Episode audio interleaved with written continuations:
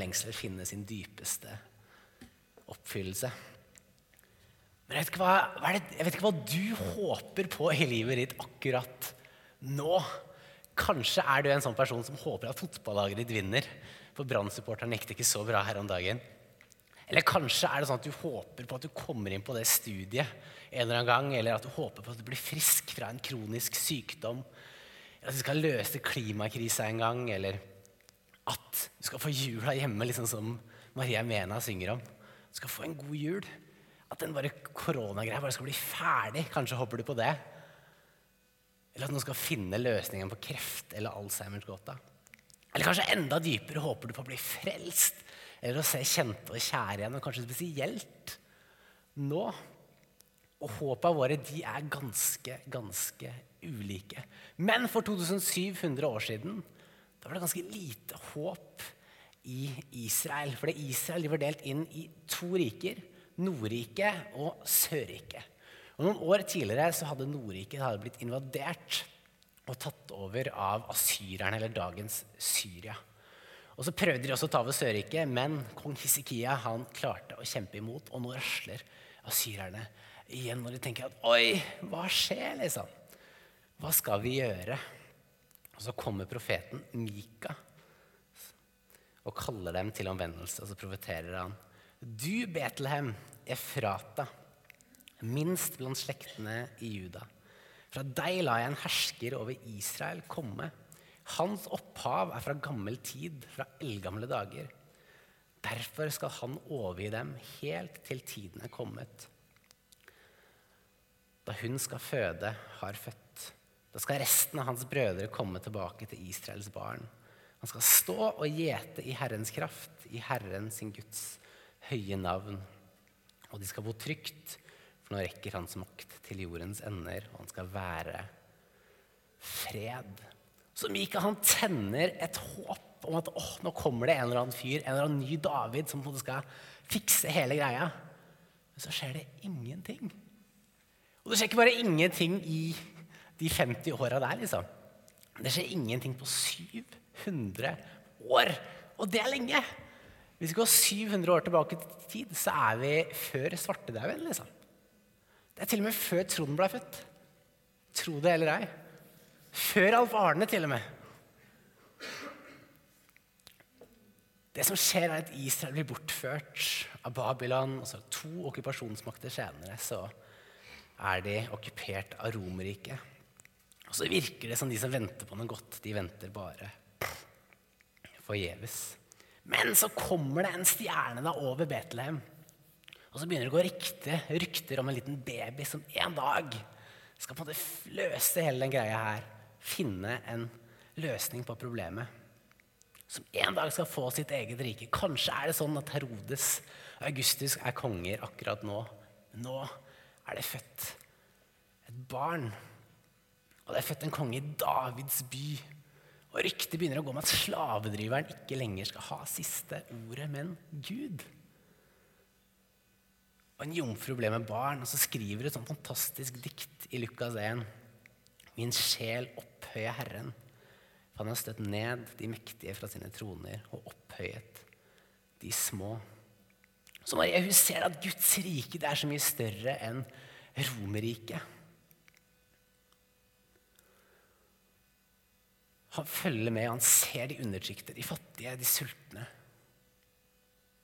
Og Det at Gud blir menneske, det betyr at Gud blir en av oss, han flytter inn i nabolaget og viser at han ønsker å ha noe med hver enkelt en av oss å gjøre. Jeg tror at Ofte så tenker vi om Jesus litt sånn som julenissen. At Jesus blir en sånn der fyr som ser deg når du sover, vet om du er våken, vet om du har gjort noe godt eller dårlig, sånn som sangen sier på engelsk. For Gud på en måte blir en sånn ultimat kosmisk festbrem som alltid er ute etter å ta deg. Som en sånn der restaurantanmelder som alltid finner noe å trekke for. Og hvis en ser på eget liv, så finner han ganske fort noe. Men at Jesus kommer, det viser noe helt, helt annet. For han skal stanse all dritten og ta oss med til himmelen. Himmel kom til jord. Men så er spørsmålet betyr det bare at de skal lene oss tilbake. da, Ligge på en strand og bare tenke at åh, deilig. Nei, nei, nei. Hvis det her er sant, liksom, så må andre få lov til å vite om det. Men er det det kristne håpet? liksom? At verden skal gå helt sånn ad undas, så skal vi bare ligge på en sky og nyte livet? Og bare prøve å få med så mange som mulig dit? Visste du faktisk det at det å dra til himmelen når du dør, faktisk ikke er et fokus så mye i Nyttestamentet, egentlig? Fokuset er faktisk det Jan Tore sa i stad, at vi får lov til å kjenne Gud. Johannes 17,3 sier at dette er det evige livet, å kjenne Han, den ene sanne Gud. Det er det livet handler om. Så la oss gå tilbake da, helt til starten. For det er i Edens hage, helt til starten av Bibelen, så var himmel og jord de var ett. Og mennesker og Gud de var uten skille, og de samarbeidet om å skape en god og vakker verden der Gud og mennesker levde i harmoni. Men så valgte vi mennesker å gjøre ting på vår måte. Vi ønska å ha en verden uten Gud, og da ble det et skille der. Og spørsmålet som både ruller og går litt sånn inn i hele Gamletestamentet, er hvordan er det vi skal løse dette problemet at vi er skilt fra Gud? Hva gjør vi, liksom? Og løsningen det ble templer eller kirker. Det var sånne plasser hvor det på en måte var en liten sånn overlapp mellom himmel og jord. Der på en måte Guds nærvær var, og mennesker kunne være samtidig. Problemet var bare at Gud, i Guds nærvær så var det godhet og kjærlighet. Det var alt godt. Og så kommer det mennesker da, som har alt Gud ikke er. Som har ondskap, som har synd. Og disse Templene de var jo utsmykka for å på en måte prøve å ligne på Edens hage. Med engler og med trær og litt sånn forskjellig for å symbolisere. Dette her var en møteplass. Men så var det ikke perfekt. Og Svaret på, på måte, hvordan er det vi på en måte kan få en koblegjeng, det er jo at Jesus kommer og dør og står opp igjen fra de døde. For når Jesus går rundt på jorda, så henger han med syndere. Han helbreder syke. Han tilgir synder og sier at Guds rike er kommet nær. Himmelriket er kommet nær dere. Himmelen har kommet hit. Himmelen er her. Og nå Og så lærer han faktisk disiplene sine å be. La ditt rike komme på jorden sånn som i himmelen, i Fader vår. Og så virker det da som når Jesus dør, da, at åh, dette prosjektet det gikk ganske dårlig. Men Jesus han dør på et kors og tar på seg min og din synd. Og det blir en sånn svamp da, som observerer all vår synd, all vår ondskap, og som åpner muligheten da, for at himmel og jord en dag skal bli ett igjen. Håpet vårt det er evig og der framme, men det er også alt å si her og nå. For Det er ikke sånn at vi har hjemme alene-fest i universet. Gud ønsker å ha med oss å gjøre i de livet vi faktisk lever. Guds rike er ikke fullendt ennå. Det skjer når Jesus kommer tilbake en dag. Men det er allerede her og nå. Så det er ikke bare en sånn der, Håpet vårt det er ikke en sånn svevende, fussy greie der oppe. Det er veldig konkret og jordnært. Og Filipperne 3 sier at vi skal bli forvandlet og få den samme oppstandelseskroppen som Jesus. Det er ganske kult. Og så står det i Kolosserne 3 at vi er skjult i Kristus, men da skal vi bli forvandlet med Han. Så greia med himmelen er ikke at vi skal bare sitte der oppe og spille på en harpe. Ofte så har jeg på en måte tenkt når jeg på en måte hørte om himmelen da jeg var liten, at åh, det hørtes ut som en skikkelig sånn kjedelig plass. Hvor du bare sitter og spiller harpe og synger til Gud, og han har en sånn identitetskrise og trenger å bli konstant påminnet hvem han er. Men det er ikke det som er poenget, liksom. Himmelen har flytta faktisk inn i oss. Himmelriket er i dere, sier Jesus. Og vi får lov til å formidle det rundt oss der vi er. Og Helt på slutten av Bibelen så males et sånt vakkert bilde av hvordan himmelen ser ut. Og Istedenfor en hage så er det nå i form av en by. Hvor det ikke er noe død, ikke noe synd, ikke noe sykdom. Og alt blir gjenoppretta og himmel og jord er på en måte ett igjen. Og jeg syns at Narnia, C.S. Lewis, som har skrevet Narnia-bøkene, han sier det bra. Spoiler alert for de som ikke har lest hele. Siste setning i hele Narnia, det er Nå begynte endelig kapittel én i den største fortellingen som ingen på jorden har lest, men som fortsetter i all evighet. Og hvert kapittel er bedre enn det forrige. Så juleevangeliet det gir oss en sånn smakebit på det som en dag skal komme. For det skapningen, står det, venter og lengter etter at Guds barn skal åpenbares, står det i Romerne 8. Vi trenger ikke å lete eller leve ganske lenge for å finne ut at vi lever i en verden som er litt ute av vater. Som ikke er sånn som den skulle vært, som ikke er helt perfekt. Du trenger ikke å lese mye nyheter, du trenger ikke å se mye rundt på gatene hvor du går rundt med munnbind og tenker at det er kanskje ikke sånn Gud tenkte at det skulle være.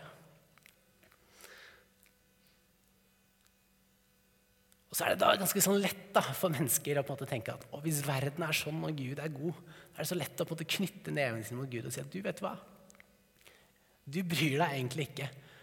Du kjenner ikke åssen jeg har det. Du kjenner ikke på mine følelser. Du vet ikke åssen jeg har det, eller hvordan jeg har opplevd livet.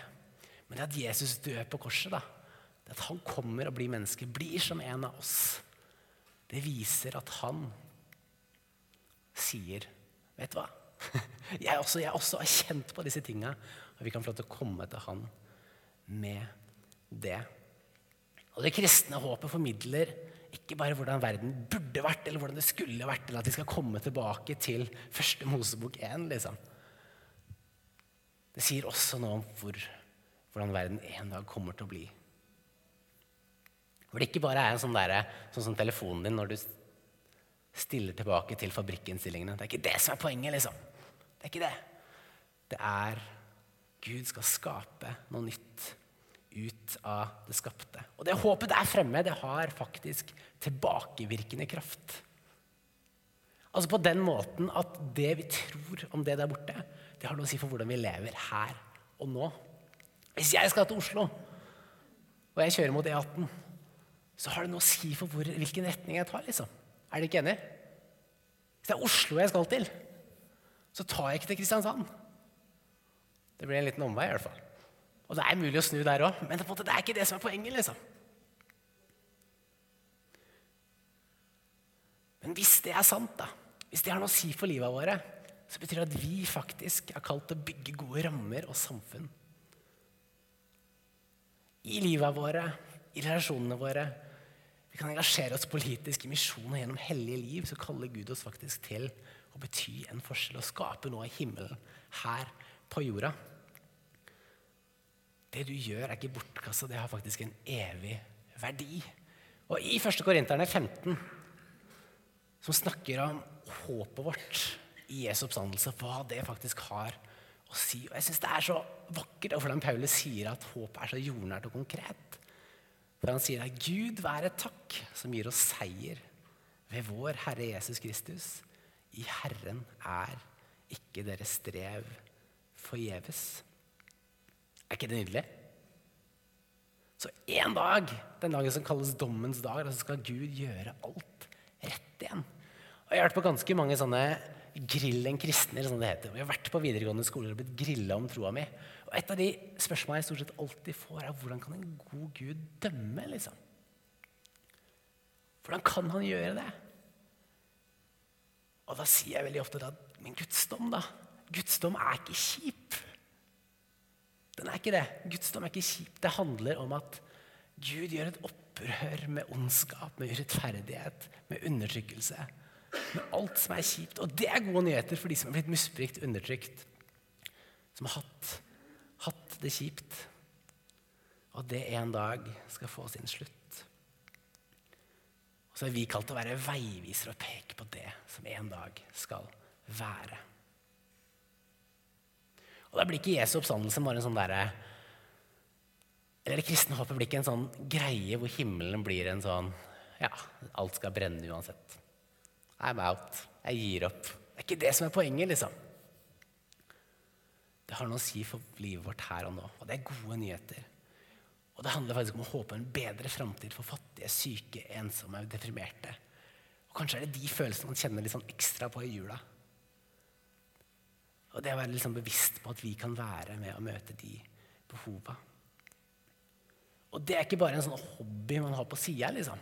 Det er faktisk helt elementært i den kristne troa. Det å dele evangeliet, og det betyr en forskjell i å skape himmel på jord der vi er, det er en del av hva evangeliet handler om. Vi kan få lov til å samarbeide og være med på det Gud gjør. Vet du hva som er grunnen til at de første kristne ble kalt kristne? Ja, fordi de ligna på Jesus. De ligna på Kristus. Så De var sånne små Jesuser, sånne nikkefigurer som på en måte gikk rundt og ligna på Jesus. liksom. Tenk deg, Du kan være sånn Jesus-nikkedukke som går rundt og peker på Jesus der du er. Er ikke det fantastisk? To som nikker og er litt sånn småenige. Det er fantastisk. Begge to er eh, ikke her til vanlig, så det er kjekt. Men det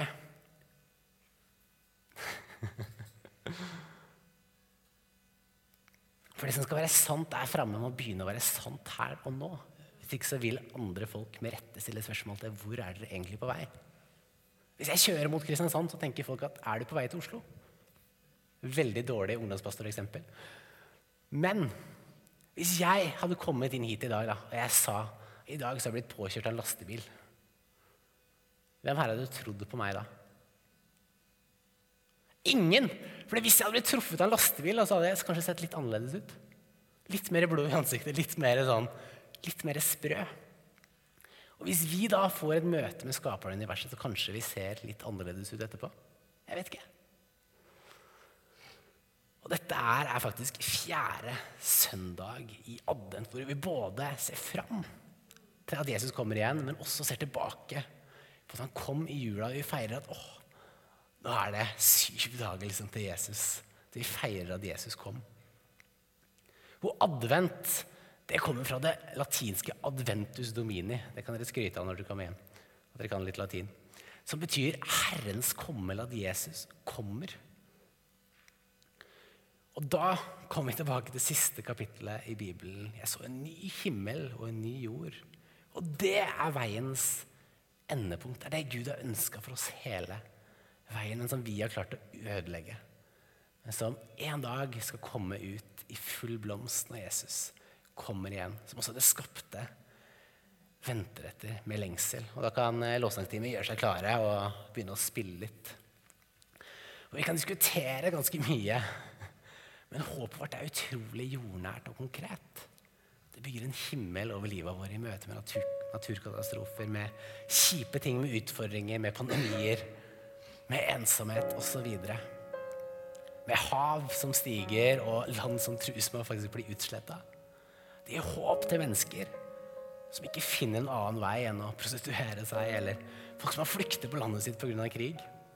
For det er ikke sikkert at fotballaget ditt vinner. Det vet jeg som er United-supporter.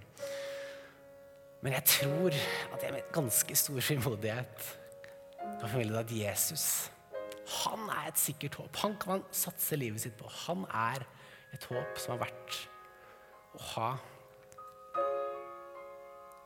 Og det betyr at vårt liv, det vi gjør, ikke er forgjeves. Det har faktisk en verdi her og nå. Det er gode nyheter her og nå. Fordi Jesus både kom, og han også har lova å komme igjen.